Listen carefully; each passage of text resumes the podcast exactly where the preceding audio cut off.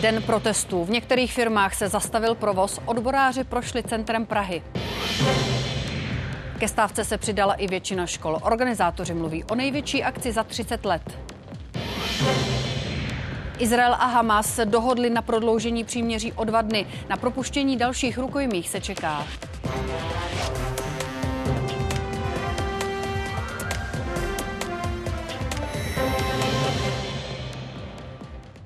Pondělní události začaly. Přejeme s Michalem dobrý večer. A děkujeme, že se díváte.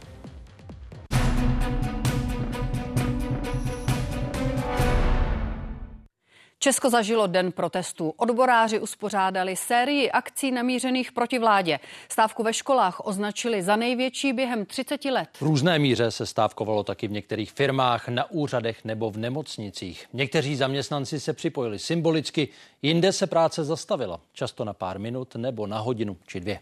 Protesty završil pochod a zhruba hodinová demonstrace v centru Prahy. Přeji vám příjemnou cestu Věřím, že tam moc nezmrzete, že v Praze bude teplej. Musíme se seřadit a vyrážíme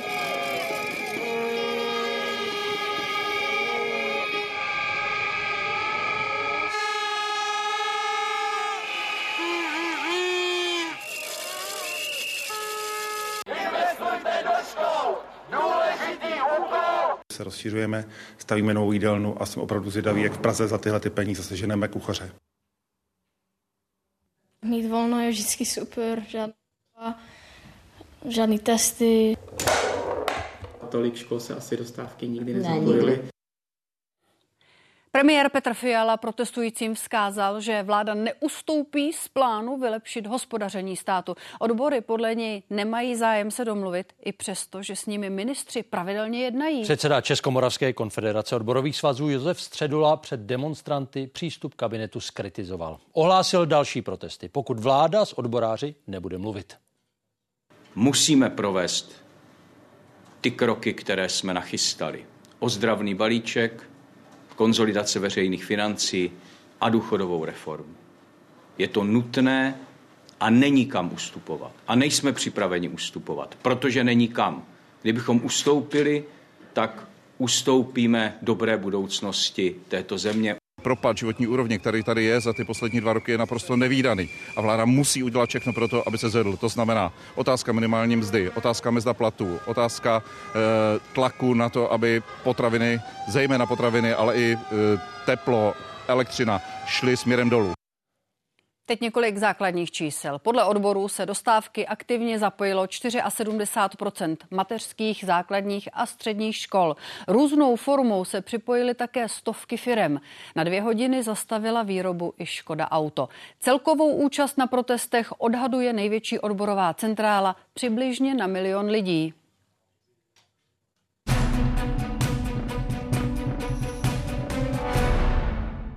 Zajistit kvalitní výuku a taky dost peněz pro uklízečky, kuchařky a další profese nutné pro provoz.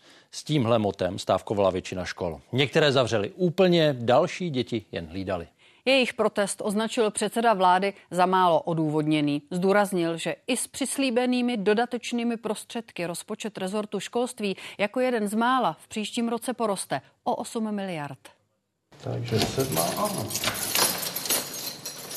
Prosím prázdno ve třídách i na chodbách. Přihlásilo se ke stávce 47 z 50 zaměstnanců, takže nebylo co řešit a školu jsme zavřeli. Jednu hodinu každé pondělí obvykle učívá i sám ředitel. Dnes zůstal jen u opravování sešitů. Teď bych měla mít český jazyk.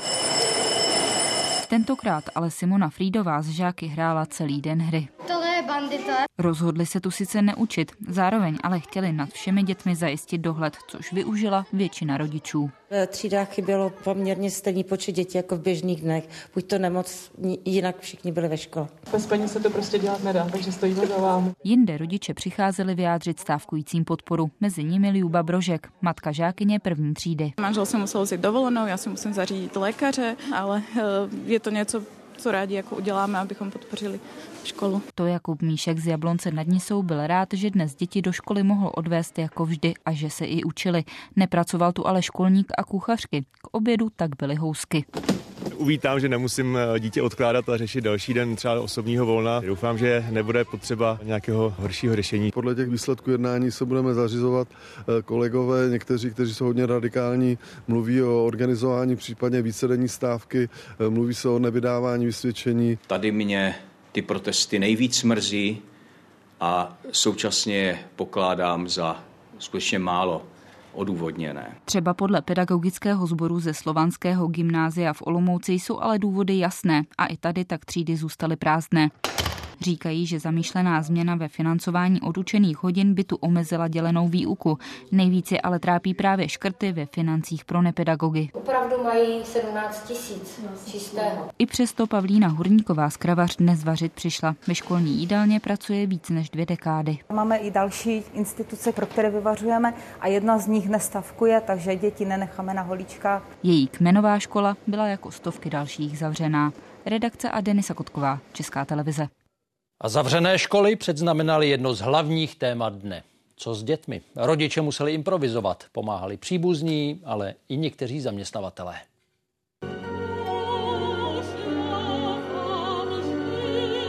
Operní pěvkyně Jitka Zerhauvá dnes neskoušela. Dopolední program měla ale nabitý. Čau, děcka.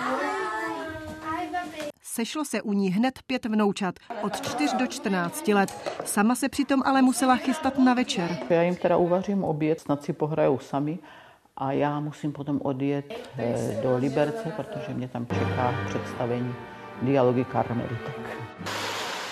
Sestry Dole Žalovy. Místo do školy a do školky je matka vede k sobě do zaměstnání. Řídí dětskou skupinu. Co boty?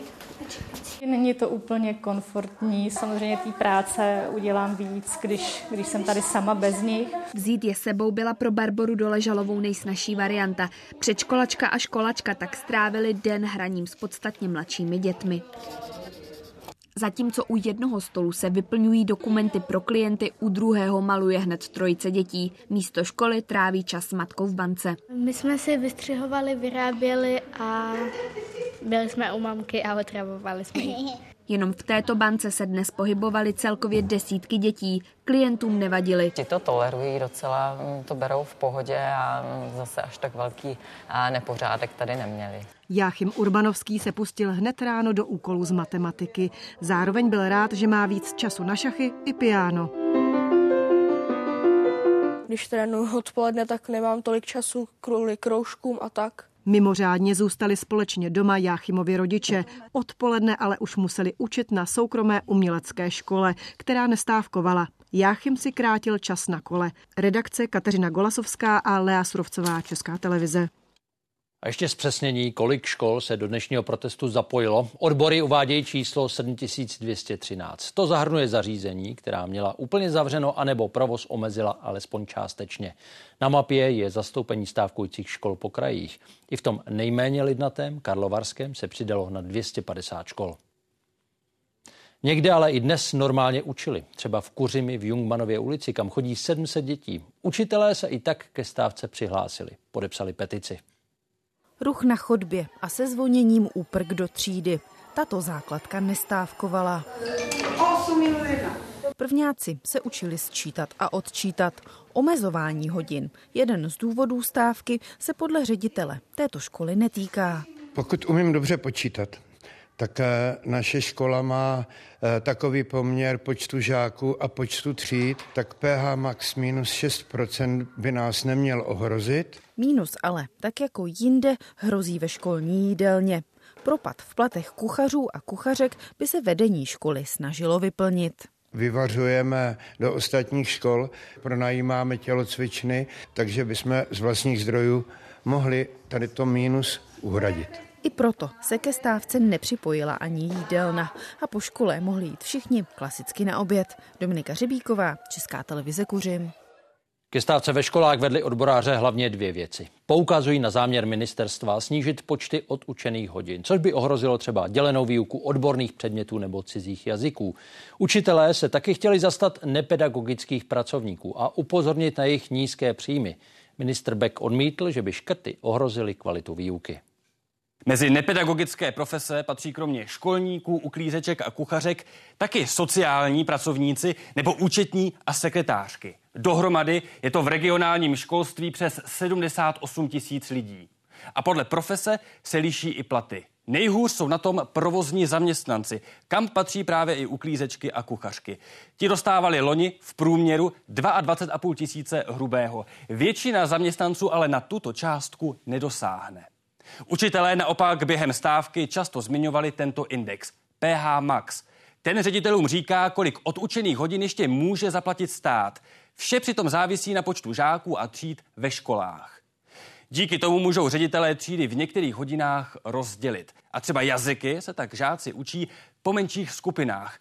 Po snížení indexu ale budou moci takto ředitelé dělit méně hodin. To může ve výsledku podle pedagogů znamenat i nižší kvalitu samotné výuky. Vladimír Piskala, Česká televize.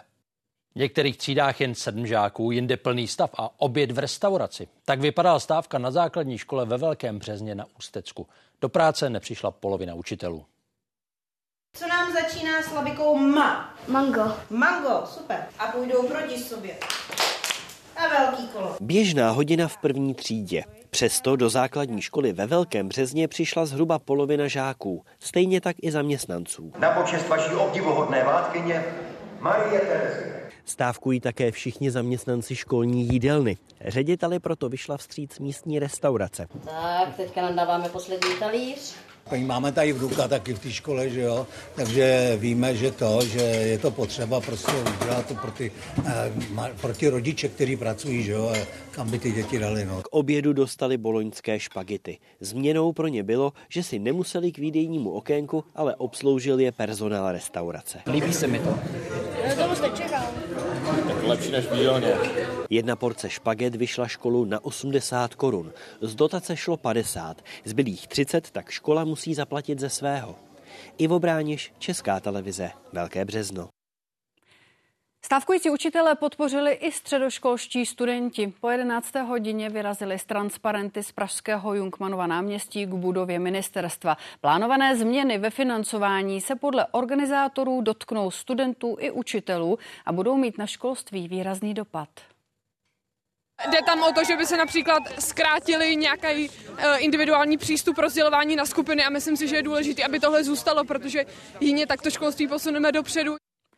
Před ministerstvo dorazili studenti okolo půl jedné. Zástupcům rezortu předali přes 300 podpisů a dopisů.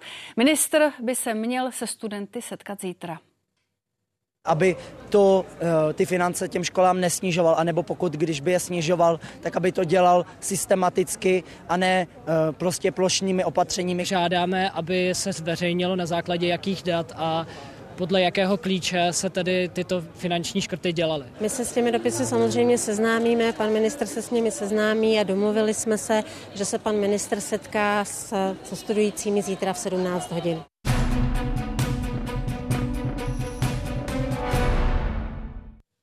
Do stávky se zapojila i část tuzemských firm. Ty na určitou dobu zastavili výrobu nebo protest podpořili symbolicky. Provoz omezilo i 12 pracovišť úřadu práce. V celodenní stávce byla desetina zaměstnanců a na hodinu se přidali i pobočky České zprávy sociálního zabezpečení. Modrý odznak s nápisem stávka. Ten si dnes připnuli na oblečení zaměstnanci ostravské společnosti Vítkovice Steel. Vyrábět přestali na hodinu. Vedení společnosti je podpořilo. Tohle je moje druhá stávka, kterou tady s váma zažívám. A po druhé to je stávka, která není kvůli tomu, že bychom se nedokázali domluvit my ve firmách. Na dvě hodiny se pak zastavila výroba v závodech Škody Auto. A to i tady, v Kvasinách. Protestní schromáždění uspořádali odbory u hlavní vrátnice do podniku. Zastavovali se lidé, jak ti, kteří přicházeli z ranní směny, tak ti, kteří nastupují na odpolední. Jsou to benefity, to šáhnutí lidem na peníze. Jestliže už se jednou něco dohodlo s firmou a firma je ochotná to těm zaměstnancům vyplatit, tak najednou i zpětně budeme platit z toho daň nějakých 26%. Čtvrtinu nám seberou lidi, kteří se na ty výrobě vůbec nepodílí. Ke stávce se připojili taky dvě firmy v Hodoníně. Setkali se v poledne tady na parkovišti před budovou celkem zhruba 150 zaměstnanců. Normálně zaměstnavatel stojí v pozici vůči odborům, ale v tomto případě stojíme všichni, tak říkají, v jedné, v jedné řadě, protože jsme na stejné lodi. Máme strach, že firma skončí díky jejich balíčkům a podobně. Čeho teda myslíte, že docílíte? A já doufám, že se aspoň u nich trošku pohne svědomí.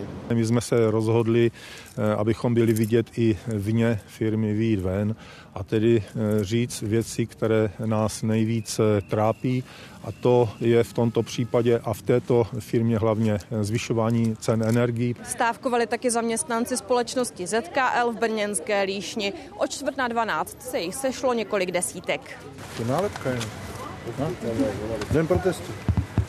Aby jsme podpořili eh, stávkující v Praze a aby jsme vlastně eh, vyjádřili nesouhlas eh, s chystanými změnami. Připnutím odznáčku a páskou na ruce stávku podpořili i řidiči na Prostějovsku. Dopravu ale protest neohrozil. Stávka je terapie společnosti v těžkých časech a máme dojem, že těžké časy máme právě teď. Na jihu Čech pak odboráři dlouho připouštěli možnost, že stávka část spojů veřejné dopravy omezí. K tomu ale také nakonec nedošlo. Někteří řidiči se připojili alespoň symbolicky. Redakce a Tereza Glajchová, Česká televize.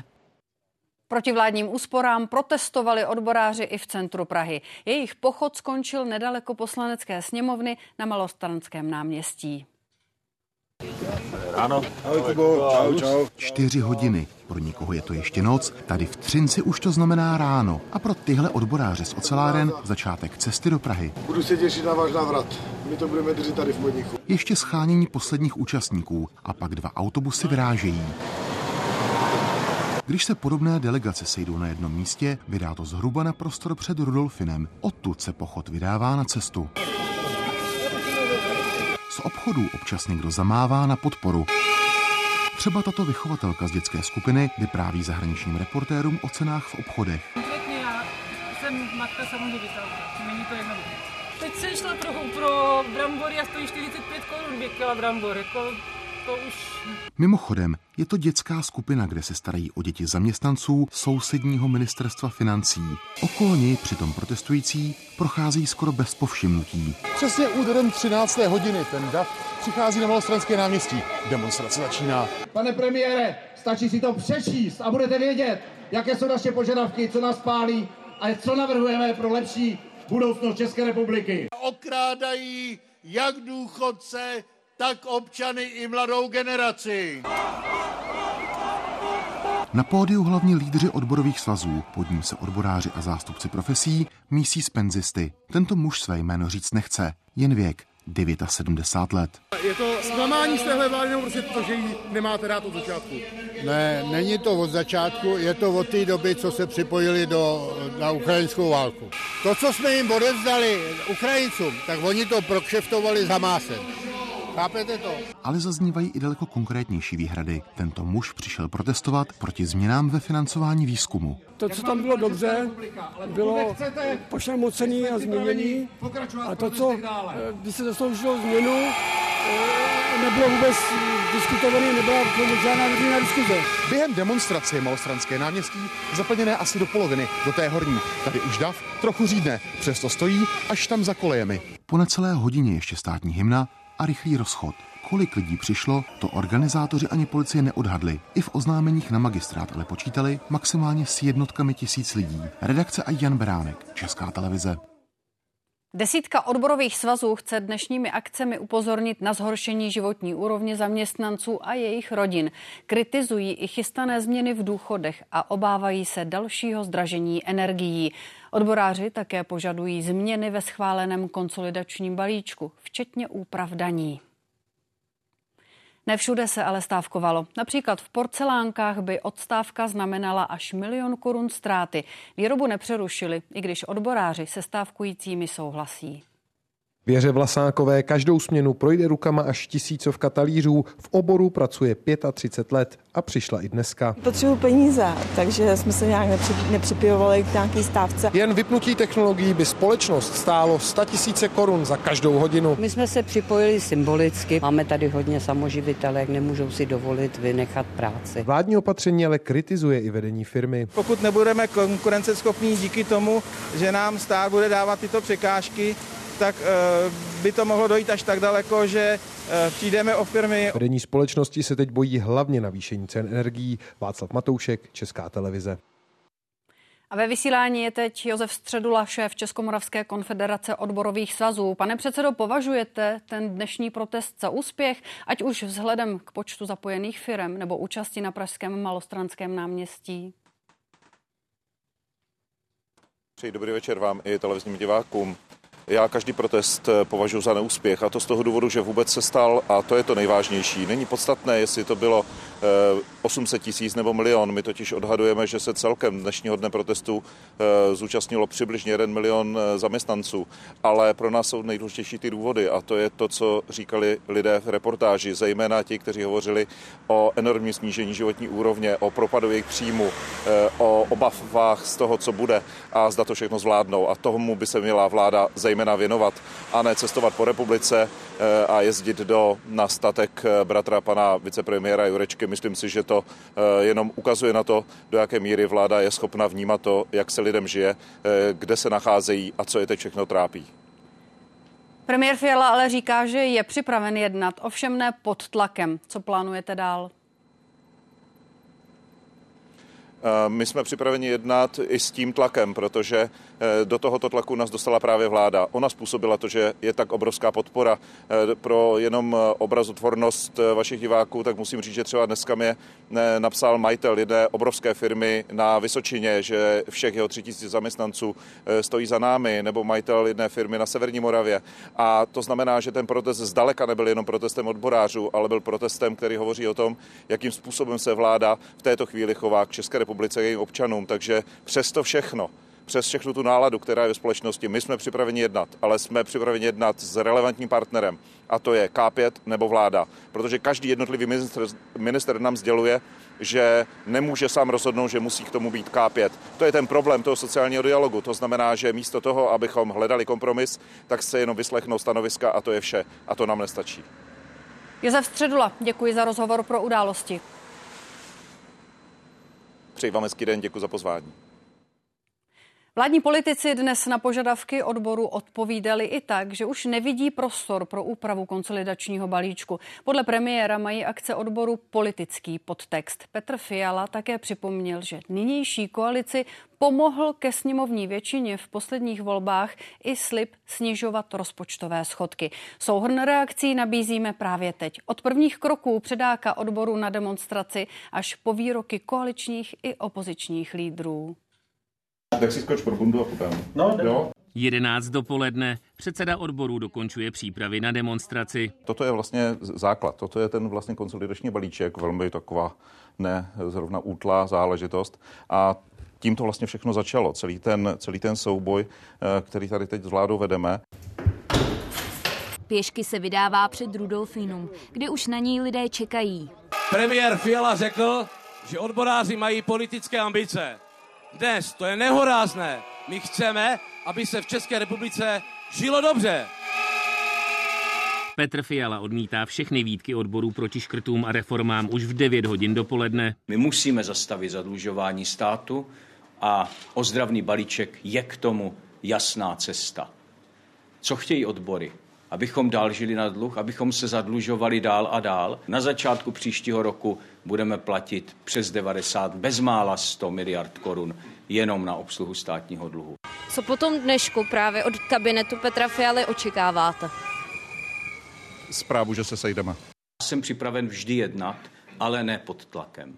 Ne pod tlakem a ne za této atmosféry. Já myslím, že všichni ti, kteří přijdou 4. prosince na jednání tripartity, tak by měli opravdu nechat emoce před dveřmi jednání tripartity a bavit se naprosto věcně o tom, co je dobré pro tuto zemi. Opoziční hnutí ano i opoziční SPD dnešní stávku ve školství i v jiných oborech podporují.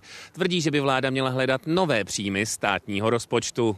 Bohužel tato vláda lže. Lhala před volbami, lže stále. Pan premiér lhal i dneska.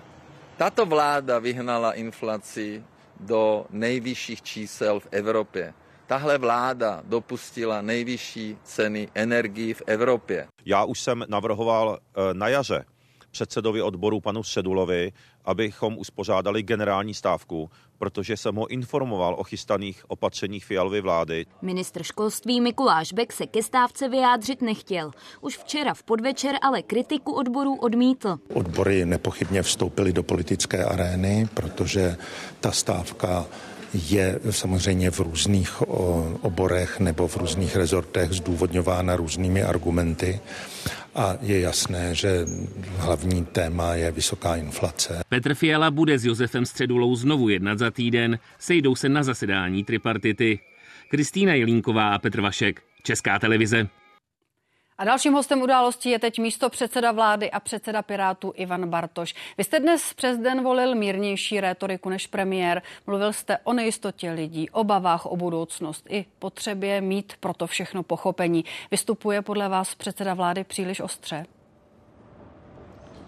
Eh, tak mě asi nepřijde na to hodnotit, eh, zda to je ostré či nikoliv. Eh, Petr Fiala reagoval i na některé výroky ze stran, ze stran třeba těch odborových předáků, ale já si myslím, že i v této situaci, kdy ta ekonomika České republiky má své problémy a ta vláda musí dělat i některá nepopulární opatření, není na místě ani z žádné strany přilévat, přilévat olej do ohně. A já když mám možnost bavit se třeba ze zřizovateli zřizovateli, neboť Ministerstvo pro místní rozvoj je partnerem eh, krajů a je partnerem obcí, tak třeba obavy v tom školském eh, segmentu eh, si myslím, že mají nějaký základy, proto jsme s ministrem Bekem a s pěti koalicí minulý týden jednali o navýšení peněz do oblasti školství, který může reflektovat třeba potřeby, potřeby těch nepedagogických pracovníků a dalších už začátkem příštího roku. Hovoří se o nějakých 4 miliardách z rozpočtové rezervy v roce 2000 2024 a snažíme se skutečně jakoby řešit ty problémy, které se v té debatě otevírají. Ostatně i ze zástupci odborů ve věci třeba konzolidačního balíčku jsme jednali a hned několikrát a polovina z těch požadavků, co se třeba týče benefitů zaměstnaneckých, kde bylo v původním návrhu zrušení toho osvobození od daní nebo těch úlev v plné míře, tak nakonec ty požadavky odborů byly uspokojeny. Já si myslím, že politika je dialog i s odpůrci, ale když se třeba podíváme na výsledky dnešních demonstrací, tak učitelská platforma eh, se nakonec eh, i od třeba eh, pana Středuly nebo od lidí, kteří vystupovali v rámci těch protestů, distancovala. Není to jednoduchá situace, já věřím, že ten dialog bude pokračovat a cílem je i tu vlastně situaci, kterou zažívají všichni občané, nejenom zaměstnanci v těch jednotlivých oborech, prostě jako vláda řešit. To si myslím, že je ta cesta.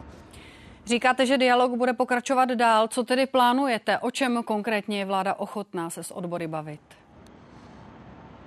Eh, tak eh, já jsem zčetl ty jednotlivé požadavky, které pak se třeba přidaly od té oblasti ve zdravotnictví, kde původně tam byla debata eh, zejména s těmi zástupci mladých lékařů, ale najednou ty požadavky narostly vlastně do obrovské míry, na což ani rozpočet, a to hovoříme o tom, že cílem je snižovat deficit, by prostě v následujících letech nestačil.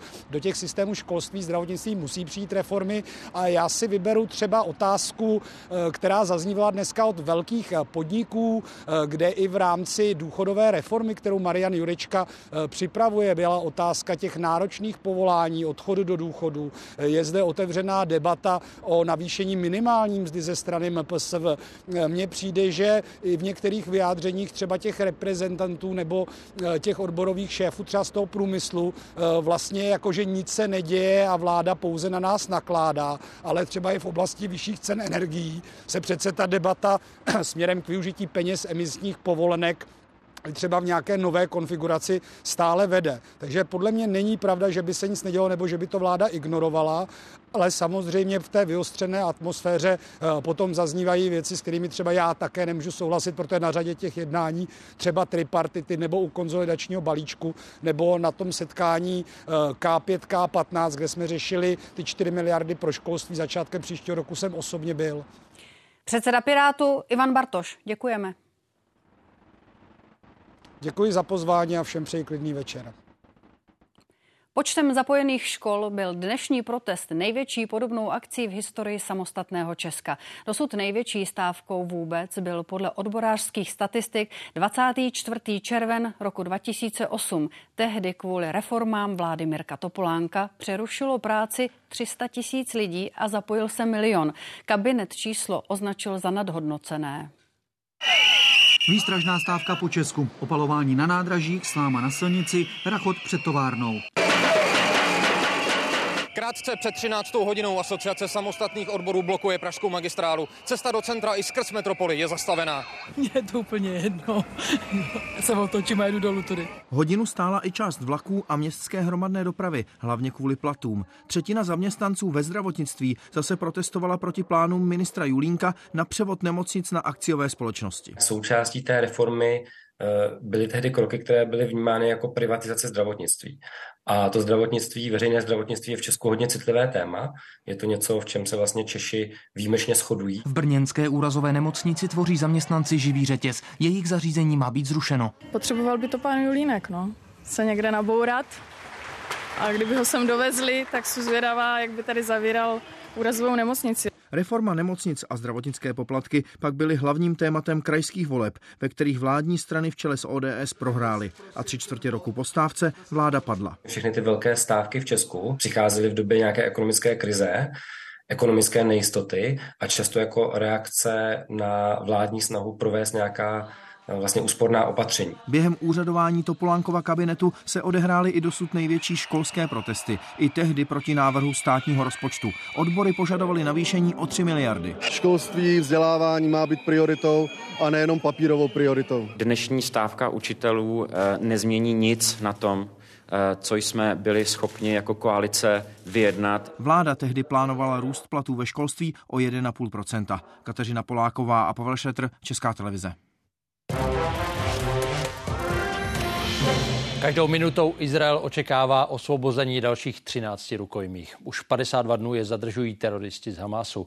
Katar mezi tím oznámil, že se obě strany dohodly na dvoudenním prodloužení příměří. Na svobodu by se měli dostat i další rukojmí a taky palestinští vězni. Silná obětí a slzy štěstí propojily znepřátelné Izraelce a Palestince. Do židovského státu se vrátilo 17 rukojmí, včetně devíti dětí a tří thajců. Až na 84-letou Elmu Avrahamovou, která v nemocnici bojuje o život, zamířili za svými rodinami. I čtyřletá Abigail, kterou teroristi před 52 dny po zavraždění obou rodičů odvlekli do Gazy. Se mísí se zármutkem kvůli smrti jejich rodičů Roje a Smadar. Na západním břehu Davy uvítali 39 žen a mladistvých vězněných v Izraeli za podíl na teroristických útocích a teď v rámci příměří předčasně propuštěných. Někde v polorozbořené Gaze zatím zůstává ještě 83 rukojmích, z toho 18 dětí a 43 žen. Hodiny před uplynutím čtyřdenního příměří nebylo jasné, jestli Hamás propustí další. Během dne zatím 2,4 milionu obyčejných Gazanů narychlo doplňovalo zásoby z navýšených humanitárních dodávek. Šest týdnů od údajného masakru 500 civilistů v nemocnici Al-Ahlí, ze kterého Hamas i mezinárodní agentury obvinili Izrael, vydala lidskoprávní Human Rights Watch opravnou zprávu. Výbuch, který 17. října 2023 zabil a zranil mnoho civilistů v nemocnici Al-Ahlí v Gaze, byl zřejmě důsledkem zásahu raketovou municí, jakou běžně používají palestinské ozbrojené skupiny. Ve jménu prodloužení příměří se roztočila kola mezinárodní politiky. Zatímco šéf evropské diplomacie vyzval k brzkému vyhlášení palestinského státu, německý prezident ve vyvražděném kibucu Be'eri podpořil válku proti teroru. Není snadné najít slova, která by popsala, co jsme slyšeli od těch, kteří byli svědky zločinů, vražd, zabíjení a znásilňování ze strany Hamásu. Deklarované cíle Izraele zůstávají stejné. Osvobodit zbývající rukojmí a zlikvidovat veškerou vojenskou infrastrukturu, kterou Hamás se spojenci vybudoval za posledního čtvrtstoletí. Jakub Santo, Česká televize. A Izrael živě je tam David Borek. Davide už proběhla na, na dnešek plánovaná výměna a známe detaily oznámeného prodloužení příměří. patrně probíhá, protože uvědomíme si, že propouštění rukojmích je složitý proces, který trvá i několik hodin a často se v těch posledních dnech protáhl do pozdního večera. Jde o to, že ti rukojmí musí být odněkud z úkrytu v Gaze vyvedeni Eh, někam dovezeni, tam někde uvnitř Gazy předány Červenému kříži, který je potom dopraví někam na okraj Gazy, kde potom už ve spolupráci s izraelskými složkami eh, jsou dopravováni do Izraele a tam ještě následuje eh, cesta na vojenskou základnu Chacerim a odtud rozvoz do nemocnic. Ale vypadá to, že opravdu ta výměna probíhá. Jednak protože všechny zainteresované strany potvrdili, že ty vlnky, které od, odpoledne existovaly okolo toho možnosti, že eh, by se to nakonec neuskutečnilo, tak opadly. Eh, prostě ten problém, který se týkal seznamů propouštěných, eh, tak byl patrně dořešen. A co je podstatné, izraelská vláda už před několika hodinami zaslala ten finální seznam příbuzným těch propouštěných. Čili oni už několik hodin ví, že opravdu jejich blízcí se nacházejí na tom seznamu. A co se týče eh, toho příměří a jeho prodloužení, eh, tak i tohle vlastně ze všech stran eh, je potvrzováno více či méně oficiálně, že opravdu další dva dny bude fungovat podobný model, jako fungoval v posledních čtyřech nebo teď třech dnech, tedy něco přes 10 rukojmích eh, izraelských propuštěno a to samé krát tři bude propuštěno eh, palestinských vězňů z izraelských věznic. Dnes má být propuštěno 11 Izraelců a 6 thajských zahraničních pracovníků a v těch příštích dnech se má jednat minimálně každý den o 10 dalších rukojmích. To je to krátké prodloužení příměří. Samozřejmě úplně jinou otázkou je, a v tomto ohledu Izrael vydává stále jednoznačná stanoviska, uh, úplně jinou otázkou je, zda by to příměří mohlo předůst něco trvalejšího. Izrael říká, že nikoliv, že hodlá využít ještě nějaký čas eh, k doručení dalších rukojmích eh, ke svým blízkým, ale potom hodlá obnovit vojenské akce s cílem eliminace vojenských kapacit Hamásu. Hlavně o boji proti korupci jednala v Kijevě s ukrajinským vedením místo předsedkyně Evropské komise Věra Jourová. Pokrok v této kapitole je klíčový ve snaze Ukrajiny o vstup do Evropské unie Zemi nadále sužují pokračující ruské útoky. Potýká se ale taky s následky silné sněhové bouře, hlavně na jihu Ukrajiny. Kvůli vánici se bez elektřiny ocitli víc než 2000 obcí ve dvou třetinách regionu. Сьогодні на значній території нашої держави надзвичайно складні погодні умови, особливо складно у південних регіонах України. Працюють і працюватимуть цілодобово наші підрозділи ДСНС України, Національна поліція, комунальні служби, місцева влада. Я прошу усіх громадян України в районах, де панує негода, будь ласка, будьте максимально обережними. Zastupitelé Pardubic se sešli poprvé porazy na tamním magistrátu. Policie minulý týden obvinila 19 lidí. Ve vazbě skončili tři z nich. Bývalý primátor za ANO Martin Charvát, bývalá náměstkyně za ANO a teď zastupitelka za SPD Helena Dvořáčková a taky ředitel krajské hospodářské komory Josef Koprivňanský. Jak zasedání zastupitelů probíhá, to už řekne Kateřina Bibenová. Nejčastěji tady zaznívala slova ostuda a smutek. Ostuda hlavně od opozice, smutek naopak od koalice. Do rozpravy na začátku se hlásilo mnoho zastupitelů opakovaně. Trvala opravdu velmi dlouho. Vzniknout by měla speciální skupina pracovní, která by měla dohlídnout na to, aby byla větší kontrola nad zadáváním veřejných zakázek. Zaznělo také, že Martin Charvát skutečně složil veškeré funkce, magistrát propustil obviněného zaměstnance a rada Rada města odvolala obviněné z čela městských společností. Podle opozice to ale nestačí. Primátor a někteří hradní by měli vyvodit politickou a manažerskou odpovědnost. Právě o odvolání primátora teď právě zastupitelé v tajné volbě hlasují. Celkem je obviněno 19 lidí v devíti samostatných kauzách. Tady už jsou detaily jedné z vyšetřovaných zakázek. Tento postup je nepochopitelný, netransparentní a vlastně pro mě podezřelý. Tak hodnotil letos v srpnu tender na stavbu parkovacího domu za 327 milionů manažer firmy POR. Vyhrála, ale zadavatel rozvojový fond se jí podle policistů chtěl nezákonně zbavit a zakázku svěřit druhému v pořadí, firmě Chládek a Tintěra. V červnu nám zakázku zadali, potom ji následně ale zrušili a následně na základě naší námítky nám ji znovu zadali. Ze způsobu, jakým byla zakázka zadána, bylo zřejmé, že zadavatel má preferovaného dodavatele, což jsme samozřejmě nebyli my. Por slíbil termín o 100 dnů kratší než konkurence. Posudek, který měl podle policie ukázat, že se to nedá stihnout a por musí být vyloučený, objednala zastupitelka a manažerka fondu Helena Dvořáčková. Posudek to ale nepotvrdil. Radnice za něj zbytečně zaplatila čtvrt milionu, uvedla policie. Musíme zachovat mlčenlivost, nezlobte se na mě. Policisté obvinili z pokusu o manipulaci exprimátora Charváta. Měl koordinovat postup dalších obviněných, manažerů fondu Michala Drenka a Pavla Nevečeřela a zastupitelky Dvořáčkové. Nakonec vítěz tendru POR zakázku dostal a od října parkovací dům staví.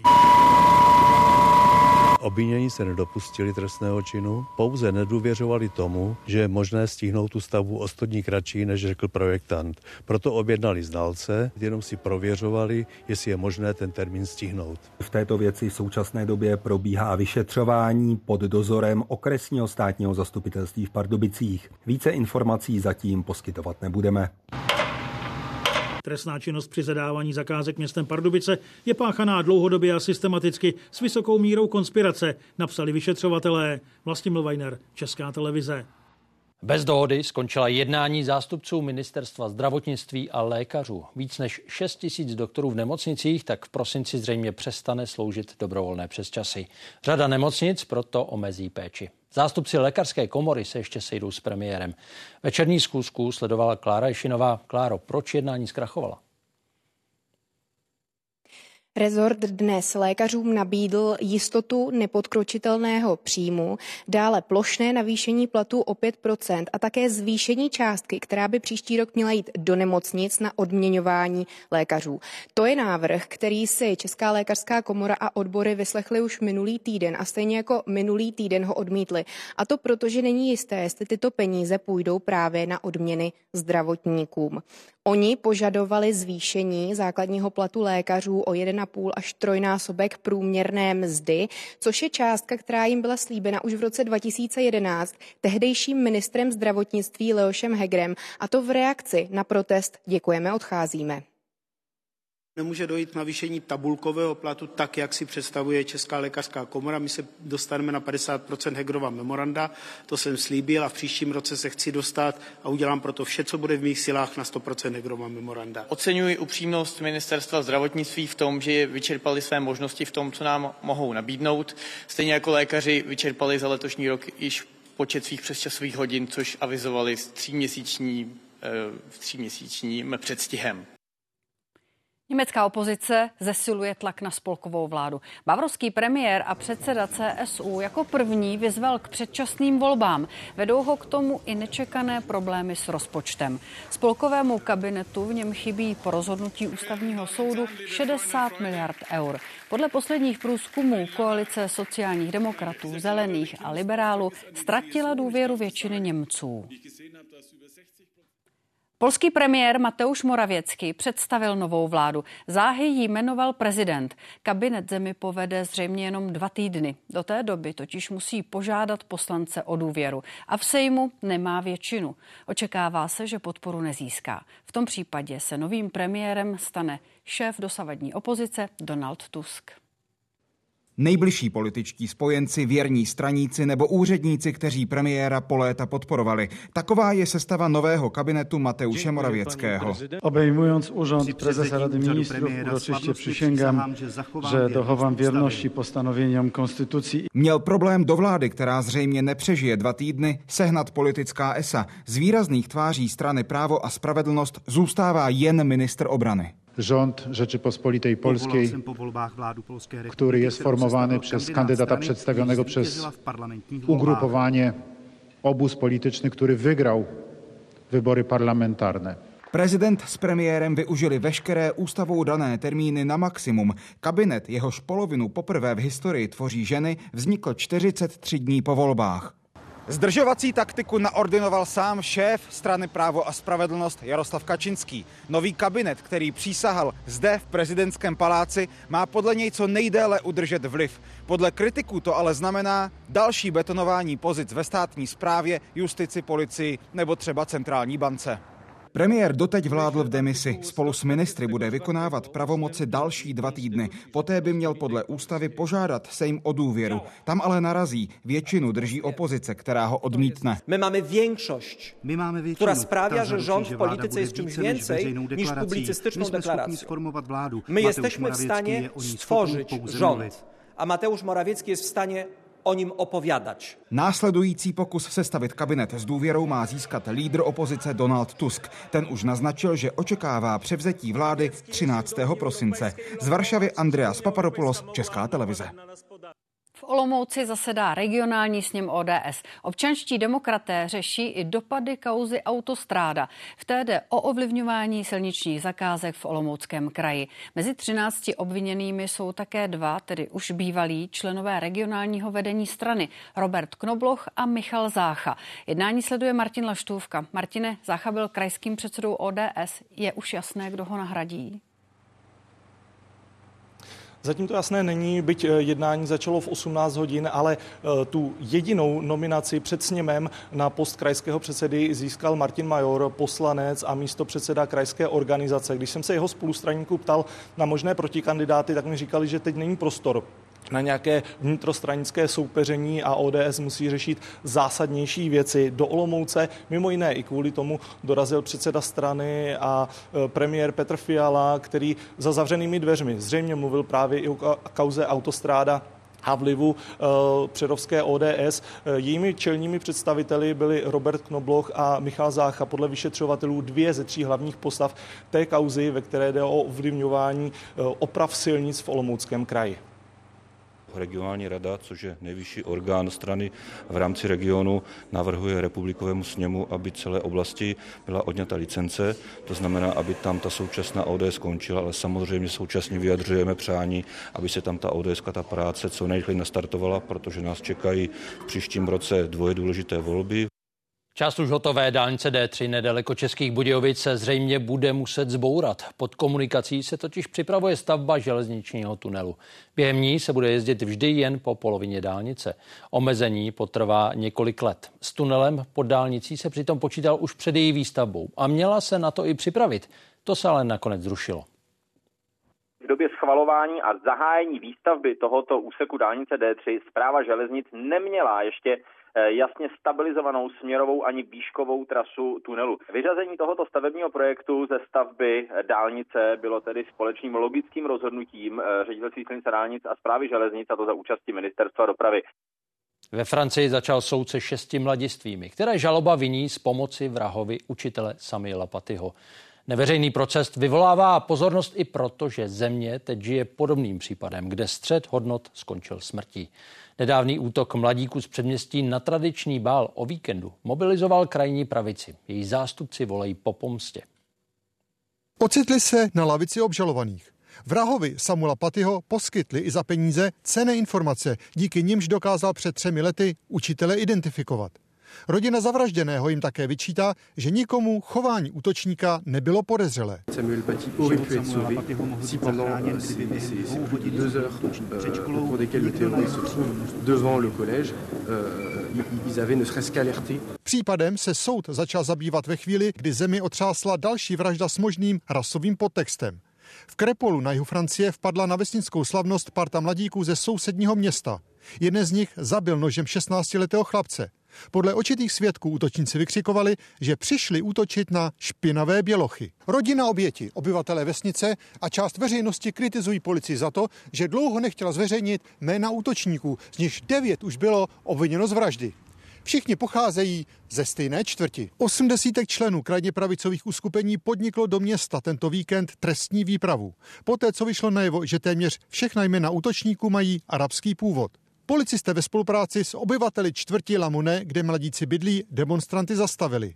Útoků skupin z předměstí ale v poslední době přibývá. Sont essentiellement des pratiques qu'on va retrouver en banlieue euh, et notamment dans certains quartiers ou dans certaines situations. Se zabitým mladíkem se v Krepolu, kde žije pět stovek obyvatel, přišlo rozloučit na 6 tisíc lidí.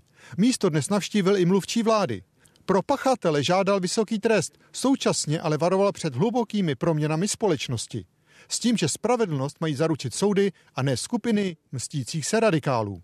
Z Francie Jan Šmíd, Česká televize. Propojení datových schránek nebo upozornění na končící platnost dokladů. Tvůrci ukázali novou podobu portálu občana. Podle nich přehlednější a uživatelsky přívětivější. Datová schránka na portálu taky umožňuje uložit si zprávy do velikosti 1 GB zdarma na neomezenou dobu. Tady vidím vlastně podobně jako v mailovém klientu eh, své doručené zprávy, například u eh, datové schránky fyzické osoby. Níže vidím u datové schránky podnikající fyzické osoby, pokud jsem živnostník, takže velmi snadno si tady přepnu z jedné schránky do druhé Portál podle úřadu aktivně využívá zhruba milion lidí, třeba i kvůli upozorněním na končící platnost dokladů. Systém zasílá e-mail i SMS. Nově od ledna budeme eh, informovat například o změně bodového konta řidiče. To znamená ve chvíli, eh, kdy například spácháte přestupek, eh, tak změní se stav vašeho bodového konta, tak portál občana se o tom obratem dozví, stejně tak i vy. Na zrušení dočasných kontrol uvnitř šengenského prostoru se podle vicepremiéra Víta Rakušana musí domluvit všechny země najednou. Zatím k tomu situace nespěje, dodal ministr vnitra. Jednal dnes s kolegy ze zemí V4 a taky z Rakouska a Německa. Počty zachycených nelegálních migrantů, kteří míří po balkánské trase přes Česko do Německa, klesly. Srbové začali uplatňovat přísnější pravidla. Podle Víta Rakušana vznikne speciální pracovní skupina. Doteď to bylo tak, že jsem volal rakouskému ministrovi, německé ministrini. Teď po tomu budeme mít pravidelná setkávání na technické úrovni pracovní. Jedna ze zásadních dohod tady na samitu v Segetu přeci jen padla. Dohoda mezi Maďarskem a Českem. Čeští policisté budou i v příštím roce tady na hranicích se Srbskem. A já jsem přesvědčen, že pokud eh, si nechceme stavět eh, překážky eh, uvnitř Evropy, v podobě dočasnému znovu zavedení kontrol, tak má smysl eh, působit společně na vnější hranici, ať už bilaterálně nebo pod agenturou Frontex. Ve věku 106 let zemřela Linda Vichtlová, stomatoložka a manželka vynálezce kontaktních čoček a silonu Oty Vichtrleho. Na objevech se sama podílela. První prototypy čoček vyráběli spolu za pomoci stavebnice Merkur. Spolu čelili taky persekuci komunistickým režimem, mimo jiné za podpis manifestu 2000 slov. Jak se společnost Metrostav vyrovnala se soudním zákazem, podle kterého nesmí kvůli korupci soutěžit o veřejné zakázky. Co udělal městský soud špatně, když osvobodil Andreje Babiše v kauze Čapí hnízdo? Získali jsme rozhodnutí, kterým vrchní soud osvobození zrušil. Reportéři ČT ve 21.45 na jedničce. Tři halové koncerty, které se už nebudou opakovat. Skupina Lucie na nich přehraje kompletní album Černý kočky, Mokrý žáby. Od jeho vydání uplynou v příštím roce tři dekády. Ceny Anděl titul označili nahrávku jako nahrávku 20 letí. Černý kočky, Mokrý žáby patří k nejúspěšnějším deskám Lucie. Prodalo se jich přes 100 tisíc kusů.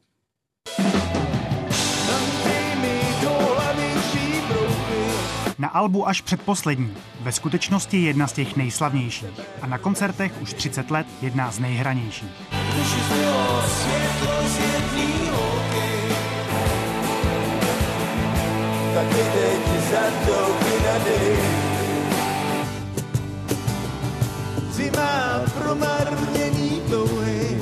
Nejen název písně, Amerika je na albu přítomna i v osobě světoznámého hudebníka Ivana Krále, který spoza Atlantiku přiletěl album produkovat. Já nevím, jestli to nebylo i jetlagem, ale prostě on, on chtěl pracovat od pěti od rána.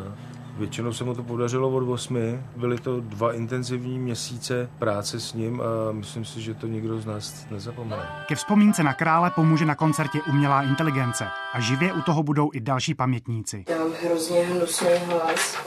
Lenka Rusulová má krásný hlas. Ono se to mohlo natáčet klidně ve 4 ráno, kdy člověk už může mít trošku ten hlas zkreslený. K Americe tentokrát přibudou i písně, které skupina z Alba běžně vůbec nehraje. Vždycky na desce je nějaká píseň, která je nejhorší. Na každý, na sebe lepší. Jsem dostal text, který se jmenuje Drahý těla.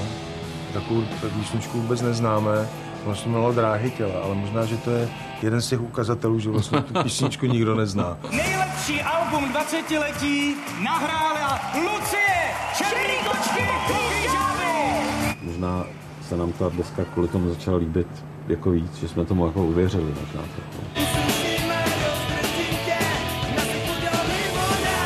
Příměs do nápoje. Tak hudebníci vysvětlují název Alba. Prý historický recept. Petr Adámek, Česká televize.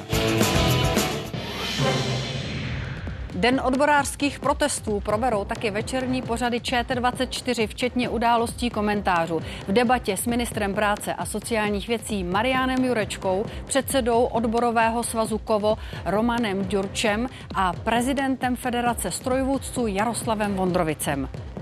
A od dnešního večera platí na celém území Česka výstraha před vydatným sněžením, závějemi a náledím. Teď už pozvánka ke sportu. Český olympijský výbor dnes v Praze představil oblečení olympioniků pro hry v Paříži. Podrobnosti dodá Vojtěch Bernacký. Dobrý večer, tak kolekce je to hezká, Barboro, a inspiruje se oblečením československých reprezentantů z olympijských her ve stejném městě před 100 lety. Vedle tradiční červené, bílé a modré barvy je dominantou státní vlajka. Více už za chvíli v brankách. A události končí. Přeji dobrý večer.